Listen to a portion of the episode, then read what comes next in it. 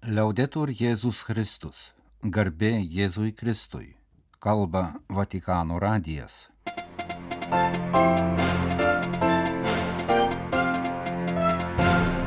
Malonus klausytojai šioje antradienio kovo 21 programoje popiežius siūlo tarptautiniu mastu pripažinti teisę neemigruoti. Disnėjaus kanale popiežiaus ir jaunuolių pokalbis. ES viskupų komisija išsirinks naują vadovybę. Artėjant Velykoms išpoliai prieš krikščionis Izraelyje. Velykos Malazijoje per pusantro tūkstančio katechumenų priims Krikšto sakramentą. Azijoje kvietimas bažnyčioms pasiekti nekrikščioniškas tautas. Atskleista Vokietijoje miręs kunigas buvo Lenkijos saugumo auka.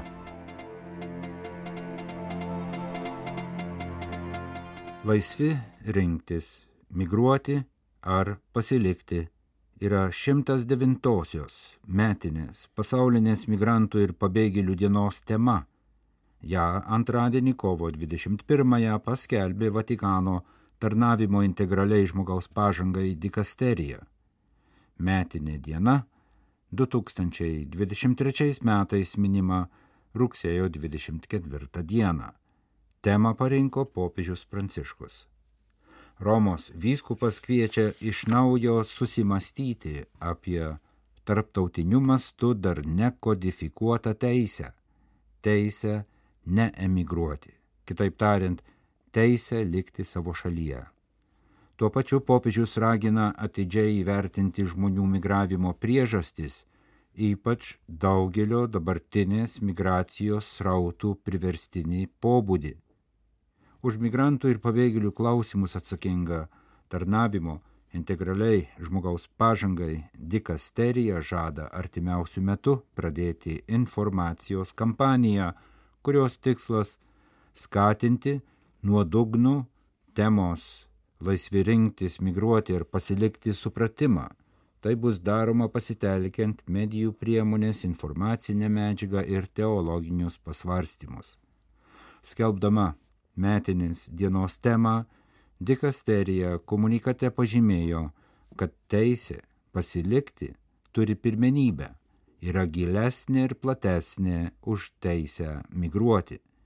Jie apima galimybę gyventi oriai, būti bendrojo gėrio ir tvaraus vystimosi dalyviais. Šventojo sosto įsitikinimu visas šias teisės turėtų užtikrinti kilmės šalys tarptautiniai bendruomeniai prisijimant bendrą atsakomybę. Prieš keletą dienų anonsuota, kad balandžio 5 dieną Disney Plus platformoje pasirodys dokumentinis filmas Amen, Pranciškus atsako. Tai pokalbis, kuris peržengia sienų, amžiaus, mentaliteto ir įsitikinimo ribas. Rašoma jo pristatyme Reklaminėme filmuke pristatomas popiežiaus pranciškaus ir dešimties jaunuolių iš viso pasaulio pokalbis. Yra tuo pat metu rimtas, bet šmaikštus, draugiškas, bet tiesus. Jis liečia pačias įvairiausias temas ir klausimus - seksualumą, religijos laisvę, moterų teises, patyčias, migraciją, lytinius išnaudojimus, abortus, išmanaus telefono naudojimą. ES vyskupų konferencijų delegatai trečiadienį Romoje išrinks naują ES vyskupų komisijos komece vadovybę, pirmininką ir keturis vicepirmininkus.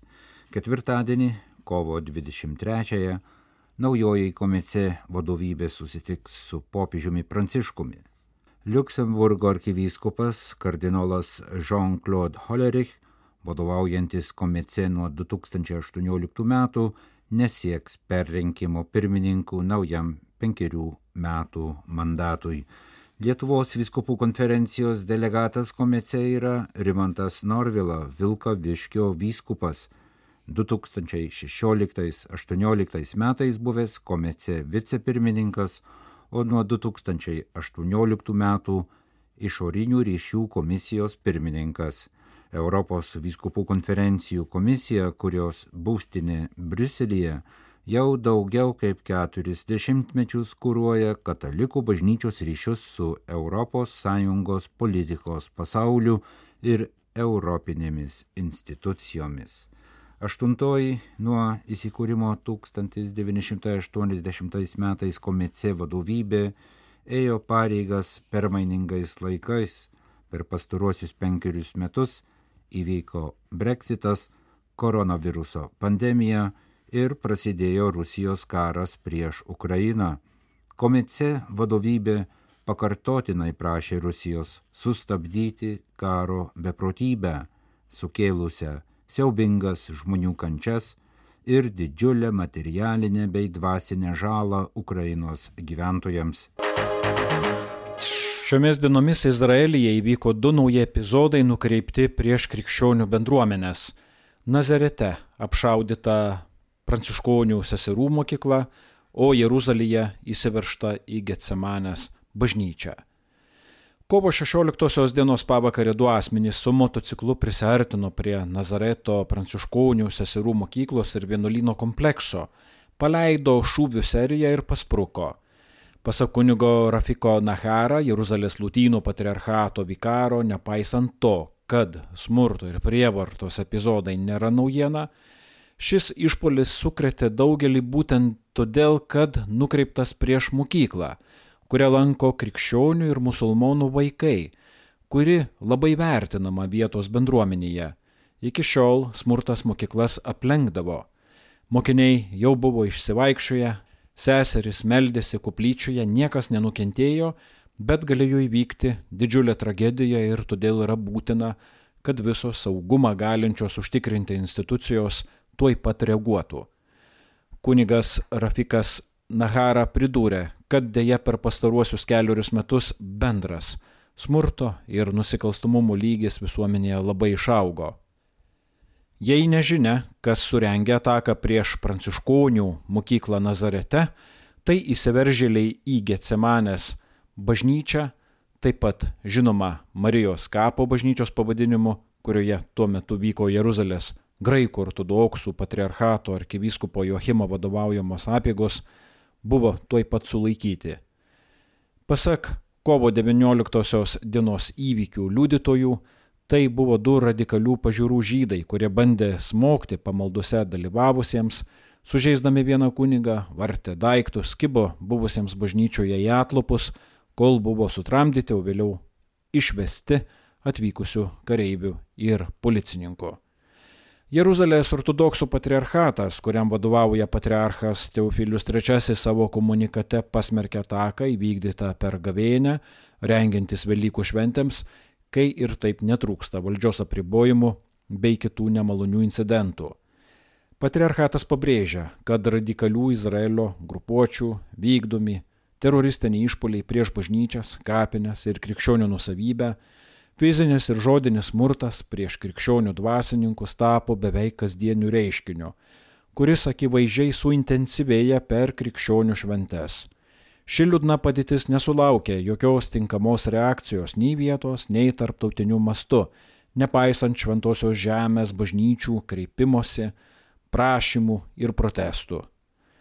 Skaudžiai aišku, kad autentiškam krikščionių buvimui šventojoje žemėje grėsia didelis pavojus pažymima Jeruzalės ortodoksų patriarchato pareiškime, kuriame pabrėžiama pamatinė religijos laisvės teisė ir religinio paveldo apsauga, numatyta vietos ir tarptautinėje teisėje, bet dažnai negerbiama.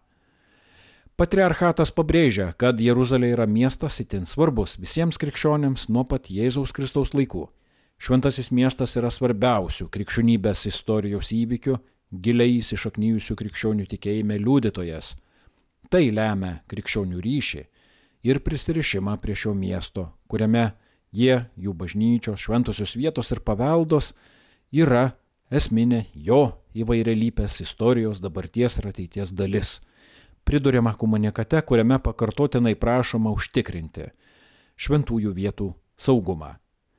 Solidarizuojamės su Jeruzalės patriarchatu ir visais, kurie ragina saugoti šventasias vietas kartojame savo raginimą jas saugoti per krikščioniškas šventes ir visas visoms tikinčiųjų bendruomenėms svarbės dienas, pareiškė pasaulinės bažnyčių tarybos generalinis sekretorius pastorius Jerry Pilai. Pasaulinė bažnyčio taryba labai sunerimusi dėl vis dažnėjančių išpolių prieš šventasias vietas Jeruzalėje ir mano, kad reikia pagrindinių religinių lyderių susitikimo, kuriame būtų aptarta, ką galima padaryti, kad nepateisinami išpoliai prieš religinius lyderius, šventas vietas ir krikščionių institucijas būtų sustabdyti. Malazijoje per pusantro tūkstančio katechumenų per Velykas priims Krikšto sakramentą. Žemyninėje Malazijoje 852, rytinėje Malazijoje Bornėjo saloje 789. Jie bus krikštyjami balandžio 8 dieną per Velyknakčio šventasias mišes. Apeigos krikštyjamiems ir jų artimiesiems bus jaudinantis įvykis, pažymė Azijos katalikų naujienų tarnyba Fides pranešime iš Malazijos sostinės Kvala Lampūro.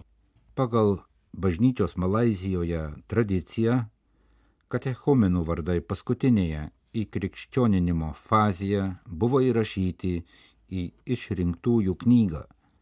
Išrinktųjų apieigoms pirmąjį gavėnių sekmadienį Kvala Lampūro šventosios šeimos bažnyčioje vadovavo arkivyskupas Julianas Leovas. Jų metu Išrinktųjų knyga įrašyta 463 kandidatų iš 34 parapijų vardai. Ganytojas pasidžiaugė katechumenų užsidegimu dvasiškai pasirengti krikštui ir gilinti tikėjimą. Jis jiems priminė viešpaties pažadą pranašui Jeremijui. Aš būsiu jūsų dievas, o jūs būsite mano tauta. Išrinktųjų knygą Melkaja Horo viskupijoje įrašyta 200 vardų, Penango viskupijoje 128.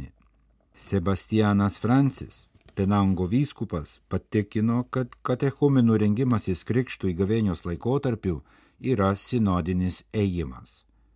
Esate Kristaus širdyje, esate jo mokiniai, nebijokite, drąsino katechumenus Malazijos ganytojas pažadėjęs iki krikšto peigų Velyknaktį individualiai susitikti su kiekvienu priimsiančiu krikšto sakramentą.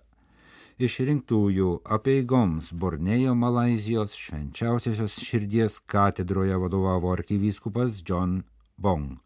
Jis ragino katekumenus sekti Jėzumi, klausytis šventosios dvasios balso ir su visa Dievo tauta, malda ir tikėjimo liudijimu skleisti Dievo žodį pasaulyje.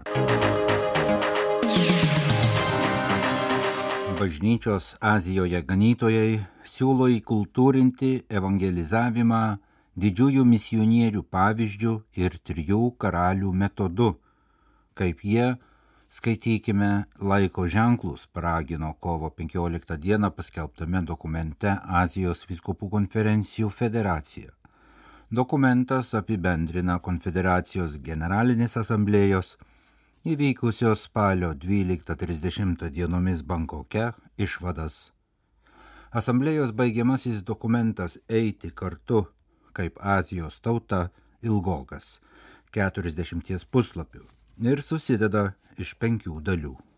Eiti kartu, stebėti žemynų tikrovę, atpažinti tai, ką dvasia sako bažnyčiai Azijoje, dalytis savo dovanomis, Azijos kultūra ir dvasingumu, atverti naujus kelius, informuoja misijų kraštų katalikų naujienų tarnyba Fides. Žemynų bažnyčios siekdamos tiesti tiltus tarp tautų, tapti dialogo ir susitaikymo įrankiais, siūlo eiti naujais keliais, darbuotis dėl vis labiau įkultūrinto evangelizavimo ir pereiti nuo dialogo prie sinodiškumo, pasiekti nekrikščioniškas tautas ir kultūras. Šiuo keliu eiti skatina trys karaliai, gebėję skaityti laiko ženklus ir garsūs žemynų misionieriai kaip Matėjo Ryčiai, siekęs įkūnyti krikščionišką įtikėjimą konkrečiame Azijos kontekste ir kultūroje. Azijos katalikų viskupų konferencijų federacija išsakė ateities viltį būti viskuo Azijos tautoms, pagal tautų apaštalo Šventojo Pauliaus programą. Silpniesiems pasidariau, kad laimėčiau silpnuosius. Visiems tapau viskuo, kad vienai per kitaip bent kai kuriuos išgelbėčiau. Visą tai darau dėl Evangelijos, kad būčiau jos dalininkas. Lenkijos teisingumo ministerija patvirtino įtarimus dėl 1987 metais Vokietijoje staiga mirusio charizmatiško dvasininko mirties. Jis buvo Lenkijos saugumo nunuodytas, pareiškė antradienį Zbignevas Ziobro, Lenkijos teisingumo ministras.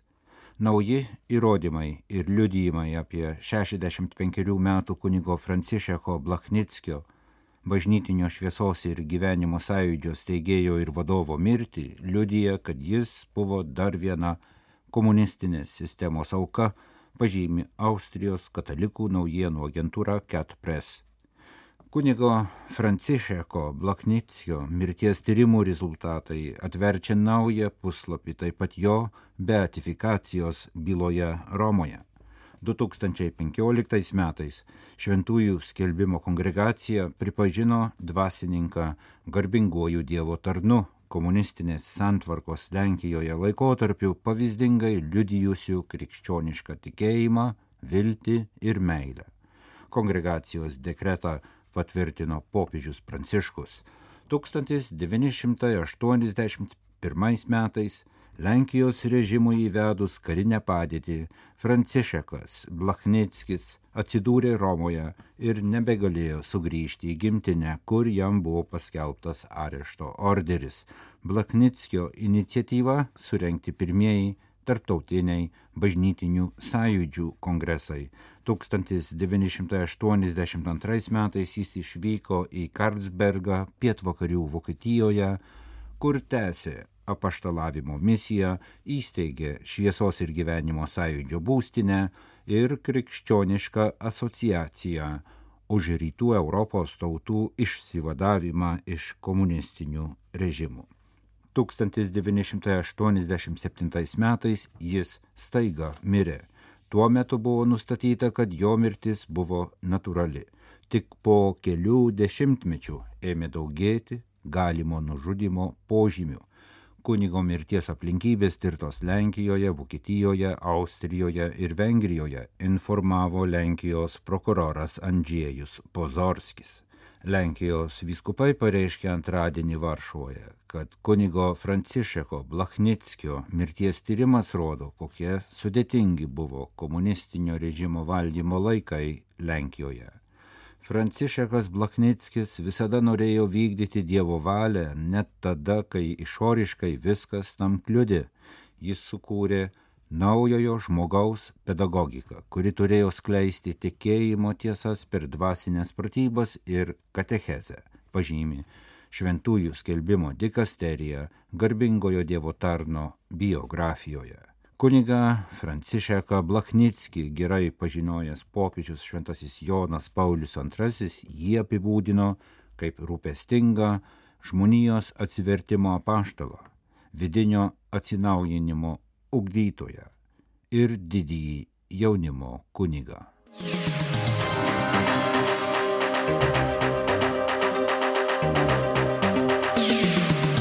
Kalba Vatikano radijas laidą lietuvių kalba baigėme. Garbė Jėzui Kristui, liaudetur Jėzus Kristus.